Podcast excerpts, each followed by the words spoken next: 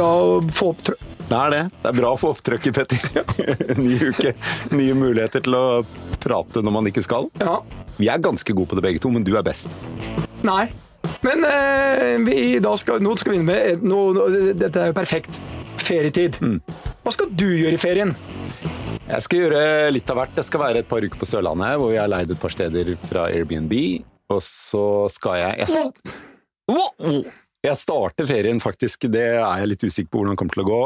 50 km inn i en uh, seterdal på grensen til Trøndelag. Med tre små jenter. Bare meg og dem.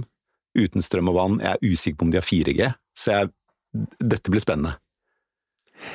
Har du lyst til å være med, Petter? Altså, Jeg har så lite lyst til å være med! Det mangla bare sånn eh, norsk flagg og litt eh, sånn bjerkeløv og eh, norske kjøttkaker. Nei, altså, det er som jeg liksom på, Før vi gikk inn i podkasten, så, så spurte liksom Har lyst til å være med i Femundsmarka og ligge der og så padle eh, kano, liksom? Altså, For meg så er det sånn det å sitte sammen med en annen eh, i kano, det går sakte og vi ser Jeg vil ha litt mer Jeg vil ha, jeg vil ha ferien min deles opp i to ting. Når jeg er på hytta, så vi har fullt trøkk. Da er det kajakk aleine, høy puls, eller vannjet, konkurrere med sønnene mine ut, hoppe på bølgene, og så er det totalt i eh, hvilemodus fram til lunsj. Lang lunsj med kidsa, familien rundt meg, ha en lang nap, og så trøkker vi til igjen. Altså, det er litt det jeg vil ha kontrasten i det. Ja. Sitte der sammen med deg i Femundsmarka og padle. Altså, det, er, det er som å putte meg i fengsel. ja, eh, og det kan vi jo ikke ha noe av. Men vi har representanter som, som, som lever av det her i dag. Og jeg har jo stor øh, forståelse for at det er andre som elsker å dra ut i ødemarken og være der. Altså, Det er jo en stor norsk tradisjon. Ja, det er, det er det. Men det er ikke noe for deg. Men eh, det er jo definitivt noe for deg, Alexander Raknes, som er co-founder i Campanion. Yes. Du, eh, eh, du må forklare litt mer hva Campanion er. Bare sånn for ordens skyld, så er dere også en kunde av Storm Communications, hvor eh, Petter og jeg er eiere, og, og hvor jeg jobber. Eh, Men det er ikke derfor du er her i dag, for du Nei. er her for å snakke om delingsøkonomi. Yes. Eh, Og sammen med deg så har vi Even Heggernes, som er administrerende direktør i Nabobil. Velkommen til deg også. Takk for det. Jeg elsker det! Ja, Altså, hva er det du elsker? Nei, jeg elsker Dette er jo representanter for det jeg elsker! Reiseliv og altså Fantastisk! Og så gjør de altså, De senker terskelen for hvor mye det koster å dra på ferie. Det er bra. Eh, ja, Og veldig bærekraftig! Så jeg har kjempeforventninger til dagens pod. Eh, Bare som Hvis jeg virka litt negativ i starten, så er det fordi det er jeg De kunne sikkert satt sammen en tur for meg også. På Explorer-ting og ordentlig. Nå er du negativ igjen. Nei, jeg er positiv. Men, men en nabobil er jo eh, Hva skal jeg si Det er jo en av de lengstlevende aktørene innenfor eh, delingsøkonomi, i hvert fall i den moderne forstanden av delingsøkonomi som vi kjenner. Er det ikke det, Even? Jo, eh, vi lanserte tilbake i 2015, eh, så vi er jo nå inne i vår sjette sesong. Eh, Og har jo hatt en kjempereise siden vi, vi lanserte, og egentlig hatt en bra vekst siden da. Vi ble kjøpt opp fra en amerikansk aktør som heter GetRound for to år siden, og opplevde jo et veldig løft etter det også. Fikk litt mer økonomiske muskler til å vise oss fram og investere i teknologi. Eh, Så møtte vi på covid som alle andre. Eh, Det var jo ganske tøft i fjor vår når det kom faktisk det som var et hytteforbud i Norge. Og påske er jo en stor sesong for nabobil. Mange som leier Nei, det er eh, ikke bra. Det er ikke det. Jeg, jeg, nå føler jeg med, da. Men vi fikk det igjen da, når alle skulle ha norgesferie året etter. Ja. Eh, og siden eh, folk kom tilbake og fikk lov til å reise på fjellet og holdt seg i landet i hele fjor, og så langt i hele år, så har vi på en måte vokst raskere enn noen gang og står veldig sterkt eh, den dag i dag, seks år etter start. For det nabobil primært lever av og skal leve av, det er eh, mennesker som ikke bruker bil så ofte at de trenger å eie en bil, men de bruker bil av og til for å, eksempel å komme seg til hytta, sånn, og da er, det, da er nabobil der som et alternativ til eh, Avis eller eh, Hertz eller tradisjonelle bilutleieselskaper. Ja, så Vi er jo en tosidig markedsplass. Vi gir jo da muligheten for alle som har en bil, enten en privatperson eller en bedrift, til å leie ut den bilen. Enten som de har investert i for å tjene penger på det, eller for å tjene inn noe av den kostnaden den bilen har. Og På andre siden er det jo alt fra de du nevner som trenger bil en gang iblant, men også folk som trenger en annen type bil enn den de har, eller de som har lyst til å leie en dyr, flott bil og flotte seg litt. Hvor mange biler, Even? Nå har vi ca. 8000 biler på plattformen. Hvor mange utleietransaksjoner eh, Hvor mange er de utleid i løpet av et år? Er det bare runde tall? Så vi har nå siden oppstarten leid ut biler for snart 500 millioner. Eh, så det begynner å bli litt. Eh, gjennomsnittsbilen tipper jeg leies ut ca. ti ganger i året. Men her må du splitte veldig på de profesjonelle som har kjøpt inn en bil for å leie ut og tjene penger på det, hvor frekvensen er selvfølgelig vesentlig høyere enn de som leier ut privatbilen sin en gang iblant. Hvor mye omsetter du for i år?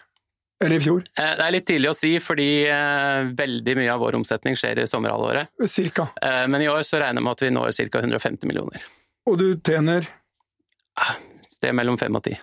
Det er bra. Så dere går i overskudd? Ja, nå Ja. gjør vi det. Ja. Etter noen år med oppstartskostnader. Ja. Er dette da første år hvor dere går med overskudd? Nei, det var i 2020 i fjor. Ja. Så dere tjente penger i koronaåret 2020? Vi gjorde det, vi henta oss inn vanvittig Sommeren med jo helt sommeren. eventyrlig. Så det var klart at vi, selv om det så litt mørkt ut, så endte jo vi opp med å bli en, på en, måte, en slags koronavinner, hvis man kan kalle det. Ja. oh, det kan man kalle Før vi, vi, jeg er veldig nysgjerrig på nabobil, og jeg tenker jo at det det er egentlig et perfekt konsept for veldig mange. Også sånne som meg, som har små barn, men som bor eh, nær Oslo sentrum. Så det må vi gjøre mer om. Men Campanjen, Alexander, Ja. hva er det? Eh, Vi prøver å få folk ut i naturen, ut av byene og oppleve mer lokale Norge og andre land. Eh, Så vi samler alt av glampingsteder, campingplasser og la private kunne utleie, leie ut hagen, eh, parkeringsplass til bobil osv. Og ja, Glamping, vi må bare Det, det er jo et superkult uttrykk. For eh, de få av våre supersmarte, oppegående lyttere som ikke vet hva glamping er, gi en sånn ti sekunders forklaring. eh, glamorous camping. Perfekt, Eh, det holdt. Det er sånn, det er sånn som jeg ville valgt. Ja, det ville du valgt. Men uh, dette er da mm, enten det er Glamorous Camping eller det er uh, hagen til noen, så uh, kan de da legge ut eh, dette på Campanions nettsider, og så kan eh, da brukerne gå inn og se ja, der har jeg lyst til å være. Ja, så Enten du kan leie ut hagen din, eller så kan bonden i Lofoten leie ut hele jordet sitt og kunne tjene gode penger i løpet av hele sommeråret. Ellers kunne jeg spurt Per om jeg kunne låne, låne hagen hans i sommer uten at han visste noe, og så leid den ut til deg. Ja, vi sjekker jo alle som laster Ja, opp. men så... den, den, ja, for den hagen, den, den, den er jo ikke stor, Petter. Den er ikke jeg Et har- par telt for jeg-. Par sånn firemanns Børgefjell-telt. Du får til et par telt. Men uh, det er jo veldig mye penger. uh, altså, eh, jeg har noen ganger vært inne på tanken om å leie ut huset mitt på Airbnb når jeg uansett er borte om sommeren. Ja. Men det er så mye pes, fordi jeg må liksom rydde bort alt jeg er liksom veldig bekymra for. Jeg må vaske og rydde, ikke sant. Alt. Eh, der er det kanskje ikke like stort problem med hagen. Nei, det er ganske, ganske simpelt å kunne bare leie ut en hageflekk til en eh, teltplass eller parkeringsplass til eh, han som kommer med bobil. Men tror du markedet for det er stort nok til at du kan bygge en business ut av det? Vi har jo sett at det fungerer i USA med en eh, større konkurrent her. Vi ser at det fungerer med Airbnb på måten de leier ut, og terskelen for å leie ut en hageplass er mye mindre enn hele boligen din. da. Men jeg skjønner jo at eh, altså Airbnb er jo fantastisk. Jeg tror de fleste, eller mange av lytterne, har brukt Airbnb en eller flere ganger. Ja. Fordi det er jo et godt alternativ til hotell for mange. Beklager det, Petter, men det er jo virkelig det. Mens en hageflekk, det høres ikke for meg like attraktivt ut. Nei, Jeg vet ikke hvor glad du er i camping og være ute i naturen, men vi ønsker å åpne opp Mer enn du tror. Ja, faktisk. Mer enn Nei, det. men vi, ønsker å finne alle de her unike, lokale, autentiske stedene i Norge eh, som du ikke har opplevd før. Eh, blant annet Midt-Norge til Nord-Norge er nesten ikke en campingplass og utleie. Mm. Der ønsker vi bare å åpne opp den fantastiske naturen som er. Hva omsetter Campanjen for i år? Det er et veldig godt spørsmål. Vi fokuserer kun på å få på supply og utleie. Men bare gi meg et tall, liksom. 10 millioner, 20 millioner? Nei, langt mindre enn det. Ja. Men klarer vi- dere, hvordan får dere finansiert dere? Vi var ute og henta runde i februar-mars. Da skulle vi hente tre millioner, men endte opp og å hente fem. Eh, Det har blitt nedringt av investorer og WC-er i etterkant som er interessert i å være med på reisen og se potensialet i det. Eh, Så derfor skal vi ut og hente en ny runde nå for å skalere det til utlandet og, og Asia i høst. VC, det er bare fordi det er, VCR det er altså venture capital, sånn som går inn tidlig i selskaper og putter inn noen penger. Yes. Men det du, det du sa, det er jo det viktigste for dere nå, det er å fylle markedsplassen Campanjen med gode utleieobjekter, ikke sant? Altså Ja. gode hageflekker eller gode jorder eller gode campingplasser. Sånn at det er noe for eh, potensielle leietagere å finne og bli Ja. fristet av. Eh, er det, det starter med det, vil jeg tro. Akkurat som en nabobil, så måtte man du måtte ha en bilpark før du kunne leie ut noen biler. Eh, Det er jo litt sånn høna og egget, det der. Ja. Eh, Det første man gjør da når man hører om en sånn markedsplass, det er gjerne å gå inn der man enten har tenkt seg å reise, eller der man bor, på bilfronten i hvert fall, for å sjekke hva som leies ut i ditt område. Og det er klart, hvis det ikke er noen biler der, så tenker man jo automatisk at dette fungerer ikke. Selv om du skal jo egentlig ikke kanskje leie ut de bilene hvis du har tenkt å leie ut. Eh, Men det der er en sånn evig balansegang. eh, Tilbud og etterspørsel. Eh, For mye eller for lite av den ene siden, det er jo ikke bra. Men jeg, jeg, jeg, bare, jeg, jeg har bare litt behov for å bare prøve å ta opp økonomien i Campanien. Jeg har en liten hageflekk på Bygdøy, Superbeliggenhet, helt nede ved vannet. Der er det plass til tre-fire telt hvis du er, kjører litt tett. Hva ville jeg fått, og jeg skal ikke være der i hele juli måned, for da er jeg på hytta. Hva får jeg for den lille hageflekken min der i løpet av juli? Ja? En vanlig campingplass ligger mellom 200 til 400 kroner, så den beliggenheten og mulighetene du har der, kanskje du leier ut en kajakk Nei, Følg med kajakk, racerkajakk i kevlar. Ja, ta alt fra 500 til 1000 kroner, for alt fra unike steder. For hvert telt? Ja. Per natt? Ja. Faen, det burde vurdert. Begynner å vurdere det. Ja, altså, vi kunne, ja. Altså, det der, er jo, det der kan bli god økonomi.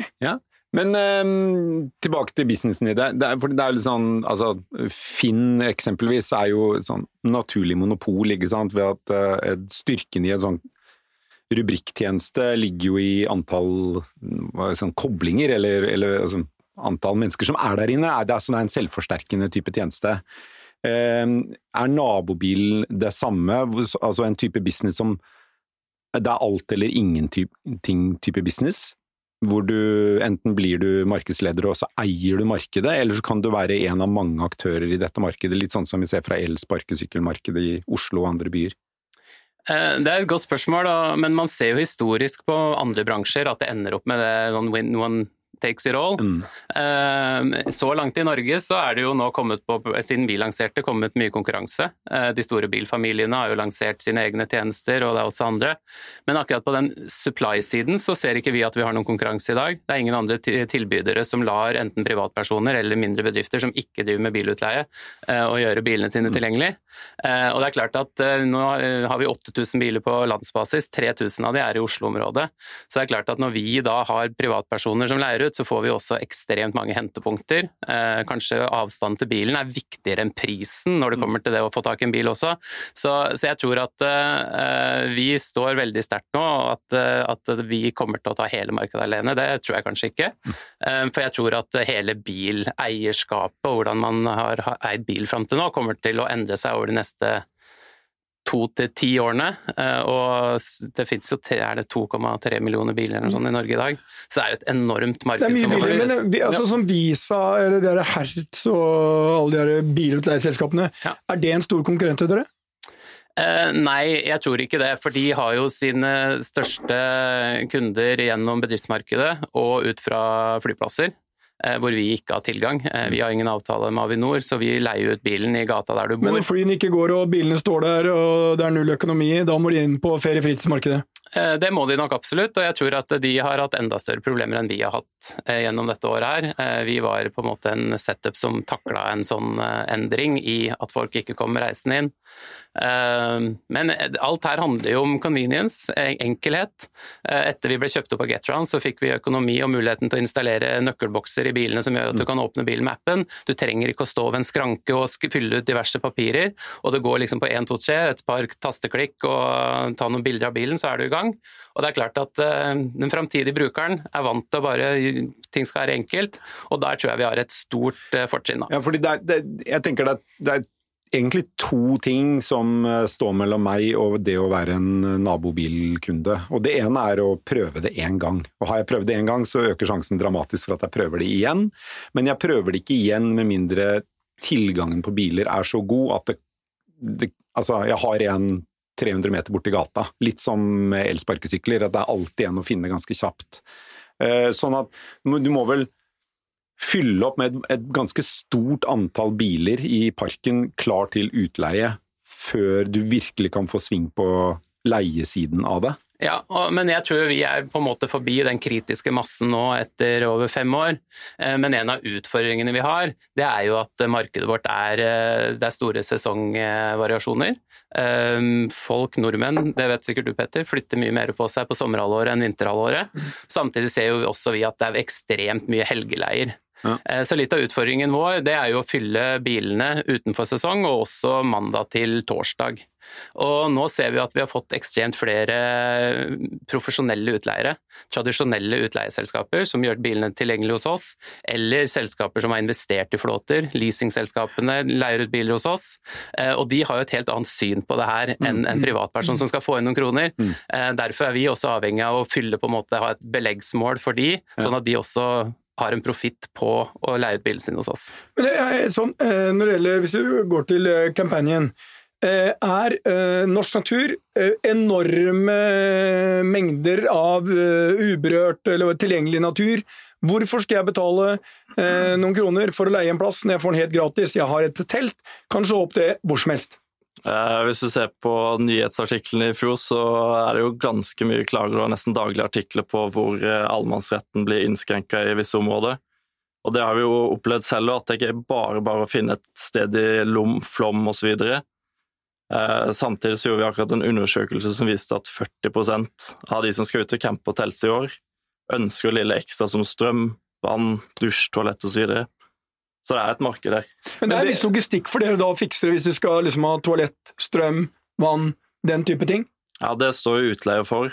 Ja. Eh, men ja, vi ønsker å hjelpe de så godt som overhodet mulig.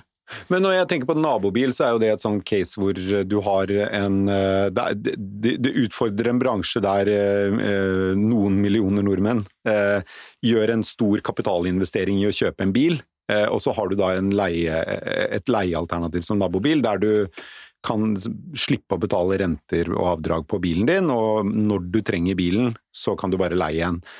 Mens med Campanion så er det kanskje par-tre anledninger i året der det er naturlig å gå inn på kampanjen da, og finne et sted å sove.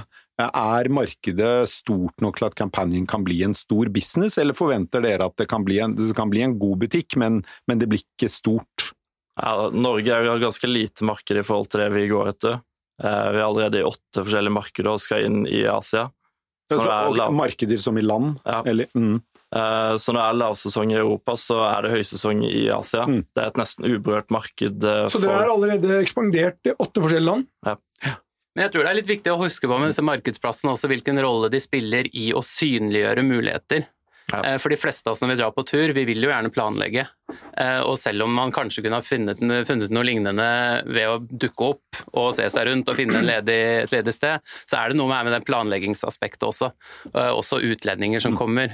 Dere har jo internasjonale fotspor allerede. Så det er klart at en tysker som skal komme til Norge, vet heller ikke hvor man skal gå for å finne disse stedene. Mm. Og da vil en sånn type plattform også hjelpe deg å synliggjøre hva som finnes. Vil nabobil gå til Sverige?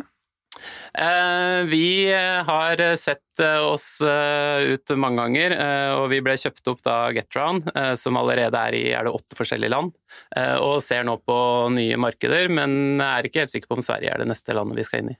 Danmark, er, Danskene er jo beste businessfolkene i Europa, der er vi vel, og de er jo sånn flinke til å dele.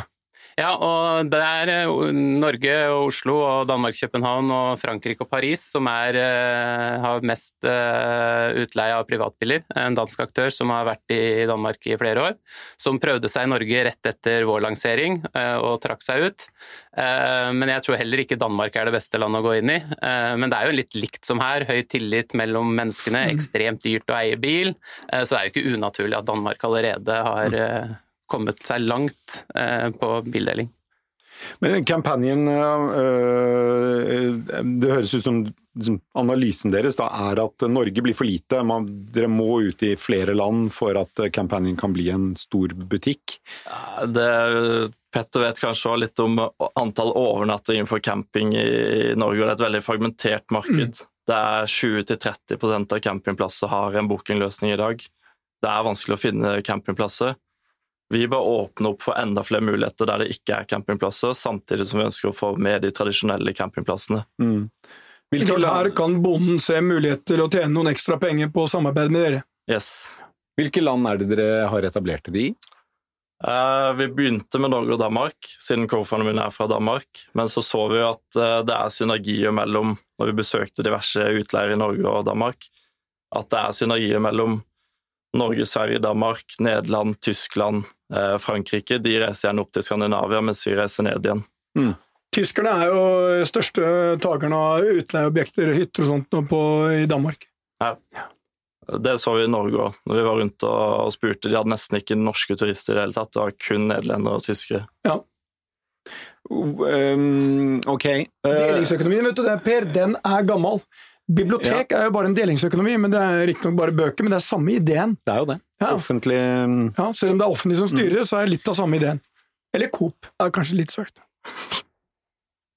Ja. Ja, den kjente jeg ikke traff, Den men det var et forsøk. det, Ja. Ja, vi går. Det er i godt humør i dag. Men uh, ja. Altså, Delingsøkonomi er jo noe man har snakket om lenge. og Foreløpig så er jo, selv om altså, Nabobil, da, som har holdt på i eh, noen år, eh, er jo fremdeles en ganske liten business og utgjør en svært begrenset del av det norske bilmarkedet, hvis man måler i bruk. Hvor stort tror du nabobil kan bli i Norge, hvis vi bare holder oss til Norge? Hva andel av bilbruken, eller eh, Vi gjorde en ganske enkel analyse da vi begynte, eh, og så på hvor mange mennesker som har et førerkort som har tilgang til bil, hvor mange mennesker som har et førerkort som ikke har tilgang til bil, osv., osv. Også hvor stort utleiemarkedet er, og hvor stor andel av det vi trodde vi kunne få. Og vi endte vel opp med at vi så for oss å kunne ha en omsetning på mellom fire og fem milliarder. Nå ligger vi selvfølgelig bak den planen Ligger litt i forhold til etter skjema. Jeg skulle eh, akkurat nå si at det var, jeg skulle akkurat si at det var superimponerende. Omsetter på 150 millioner, har liksom tjener 5-10 millioner.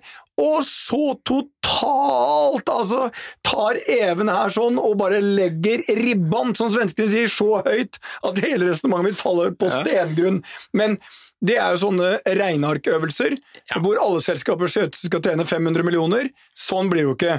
Har du kommet, brukt tre år på å komme til 150 millioner, ehm, og du vokser eh, relativt kraftig, og så har du hatt ekstra dytt av eh, korona, så kan det være at du faktisk eh, faller litt i omsetning i 22.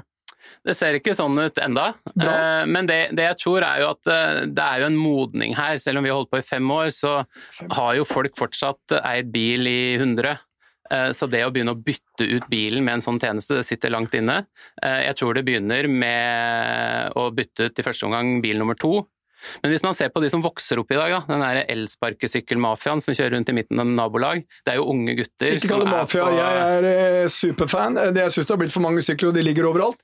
Men uh, ordentlig fan. Jo, men Jeg er også positiv, men de har jo ikke sine egne sparkesykler. De booker jo disse sparkesyklene gjennom alle disse tjenestene, og når du fra en ung alder venner deg til at jeg skal ha tilgang til en sykkel, og ikke nødvendigvis eie, hva skjer den dagen de blir 25 og skal kjøpe seg en bil? Eller 18 år, for den saks skyld. Uh, Så jeg tror at det kommer til å være enorme endringer i dette her framover. Uh, Og det er Og ja, du ser for deg at du da bare går inn på nabobilappen, og så har de bil.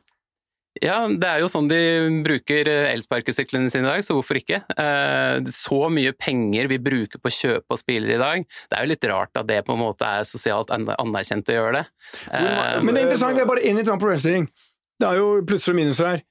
Har dere reflektert over hva København gjorde med elsparkesykler? Fra en natt til en annen så har de bare nei, og så pælma de ut alle sammen, fordi de negative effektene av det var altfor store. Eh, Berlin de skjøtta ut eh, jeg tror det var Airbnb, fordi de ødela boligmarkedet for bl.a. unge å komme inn. Du kan få en del sånne reguleringer. Tror ikke Companion er en del av det. Tror heller ikke nabobil. Men sånn eh, plutselig skal myndighetene gå inn og regulere det. Og hvis man skal være litt ærlig, selv om jeg er fan av elsparkesykler, ja, de ligger jo over hele jævla Jeg kan jo se for meg at hvis, Altså, hvis kampanjen eh, svaksynte, alle de som snubler rundt over alle disse syklene som slenges fra det så hvor som helst. Jeg kan jo se for meg at kampanjen, hvis dere virkelig lykkes, da, og dere tar, eh, får eh, sånn prime real estate på, i Lofoten og et par andre steder i Norge hvor det er outstanding å overnatte, og det fylles opp, og dere blir litt for vellykkede der, så kan jeg se for meg at kommun, enkeltkommuner kan uh, gå inn og regulere dere ganske kraftig. Renovasjon, eh, alt som du vet har fått klage på, spesielt nordover når det kommer uendelig med mengder. Jeg håper jo at vi ikke skal, skal få den i fleisen, selvfølgelig. Det, Det er et luksusproblem hvis det blir så mange, Per. Ja, Vi, det er- ja, ja. vi, vi dro et luksusproblem. Men vi har jo allerede eh, på en måte politikken som har eh, blandet seg inn i det vi holder på med. Men det er jo i positiv forstand. Eh, Oslo kommune har jo satt til side er det 600 eller 800 parkeringsplasser for delte biler. Når jeg gikk ned hit i dag, så gikk jeg forbi noen av nabobilene sine der de sto lina opp med fin logo og fint skilt. Eh, Og det er klart at det har hjulpet med å få opp tempoet på der. Mm. Det er en Eh, fin start på en øh, tidlig morgen og gå i sola skinner, Ja, nabobilskiltene over hele Oslo. Jeg tok bilde av det og sendte det til kollegaene mine, så det var helt topp. Du blir litt stolt da? Ja, kjempestolt. Jeg tar bilde hver gang en nabobil med logo kjører forbi meg fortsatt. Ja. Men du, det er sånn, skal du lykkes som entreprenør og gründer, du må ha så hjerte i det at det rører av nesten eh, helt inn, hvert fiber i kroppen reagerer på at her står det fem nabobiler. Jeg tar bilde og sender til alle på jobben. Hva koster det hvis jeg skal eh, spørre for en venn nå? Hvis jeg skal leie nabobil, jeg skal opp på hytta. eh, Hva koster en helg? Det spørs hva slags type bil du skal, selvfølgelig. Eh, Den bilen vi leier ut mest av, er eh, selvfølgelig Volkswagen Golf, som det finnes flest av. Men hvis du skal ha en stor bil, en Passat, så tipper jeg du må ut med et sted mellom 600 og 700 kroner dagen. 600 kroner dagen. Ja. Så det er egentlig ikke så langt unna leiebilpriser, da. Eh, De prisene tipper jeg varierer veldig gjennom sesong, og så har jeg ikke helt oversikt på det. Men eh, snittet på nabobil det er jo også forskjeller der eh, fra høst til sommer. Eh, Men et sted mellom 1000 og 1500 kroner, så får du en stor familiebil. Må jeg vaske den etterpå, eller kan jeg en bare gå golf det er halvparten, eller 500? Ja, eller rett i underkant. Rett i underkant. Ja. Må jeg vaske den og rydde og sånn etterpå, eller kan De jeg bare har som eh, regel at man skal levere tilbake bilen i samme stand som det er. Eh, Når jeg leier ut min bil, så er den ofte ikke helt rein, og da skriver jeg til leietakeren at du, den er ikke helt rein, du kan fortsatt få leie den. Og da forventer jeg selvfølgelig ikke at den kommer nyshina tilbake heller. Så, Så du må, du må liksom ikke sette barna dine til å polere og støvsuge og Nei. holde på. For det er en høy terskel. Ja. Ligger det pølsepapir der når du kommer inn, så lever, slipper du et par pølsepapir når du drar.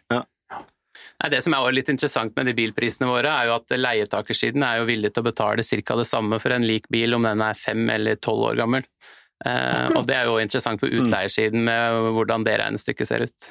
Hvem er taperne i det markedet der, tror du? Hvis eh, forutsatt at eh, nabobil eh, lykkes. Jeg tror enda ikke at det er noen taper, men at eh, dette markedet her er så stort. Men på sikt, med at eh, vi og flere andre mobilitetsaktører lykkes, så tror jeg at det blir færre biler på veien. Og da kan man begynne å tenke at eh, de som selger de bilene, på sikt kommer til å tape. Vi må avslutte, Per. Ehm, Jeg syns det er alltid usedvanlig hyggelig å ha gründere, entreprenører med solid utdannelse som plutselig velger en annen retning. De finner en idé, og de går for den. Her har de fått med, seg, eh, fått med to eh, gode representanter for det. Og delingsøkonomien, alle de tingene der, det tror jeg kommer til å fortsette. Og jeg er helt sikker på at vi kommer til å møte disse igjen, og de kommer til å utfordre mye av det bestående. Og det fins løsninger, om det er bonden som leier ut uh, jordet som gir null inntekt, eller det er meg som leier ut en liten gresstust på Bygdø, eh, eller for nabobil. Eh, er, det, er, det er ikke sikkert at det er et enten-eller for mye av disse delingsøkonomien. Det kan være både og. Um, Airbnb og hotellene er jo et eksempel på det. Både og. Ja, men det er, der er det mye problemer. Det er mye drit åssen de Du vil ikke ha tilbake den leiligheten og leie er ut. Men eh, bortsett fra det, eh, bekymringene dine vil jo være sånn at du ødelegger ferien når du er borte for å tenke på de som raserer leiligheten din. Skal ikke ta det, Per. Hvorfor det er mye bedre å bo på hotell enn å leie bort leiligheten sin i bekymring for at den overtas av 25 gærne russ som har den siste festen der Jeg- fordi det ikke var mulig å ha et annet sted. jeg er gjerne kunde i Airbnb, men jeg skal definitivt ikke være utleier. Og med de velvalgte ordene og den oppfordringen fra eh, Per, så eh, ses vi vel igjen eh, neste uke, og vi skal takke Vi skal takke Alexander Raknes i Campanien og Even Heggernes i eh, Nabobil. Tusen takk for at dere kom, Takk for oss. Takk, takk for oss. og lykke til. Takk, takk.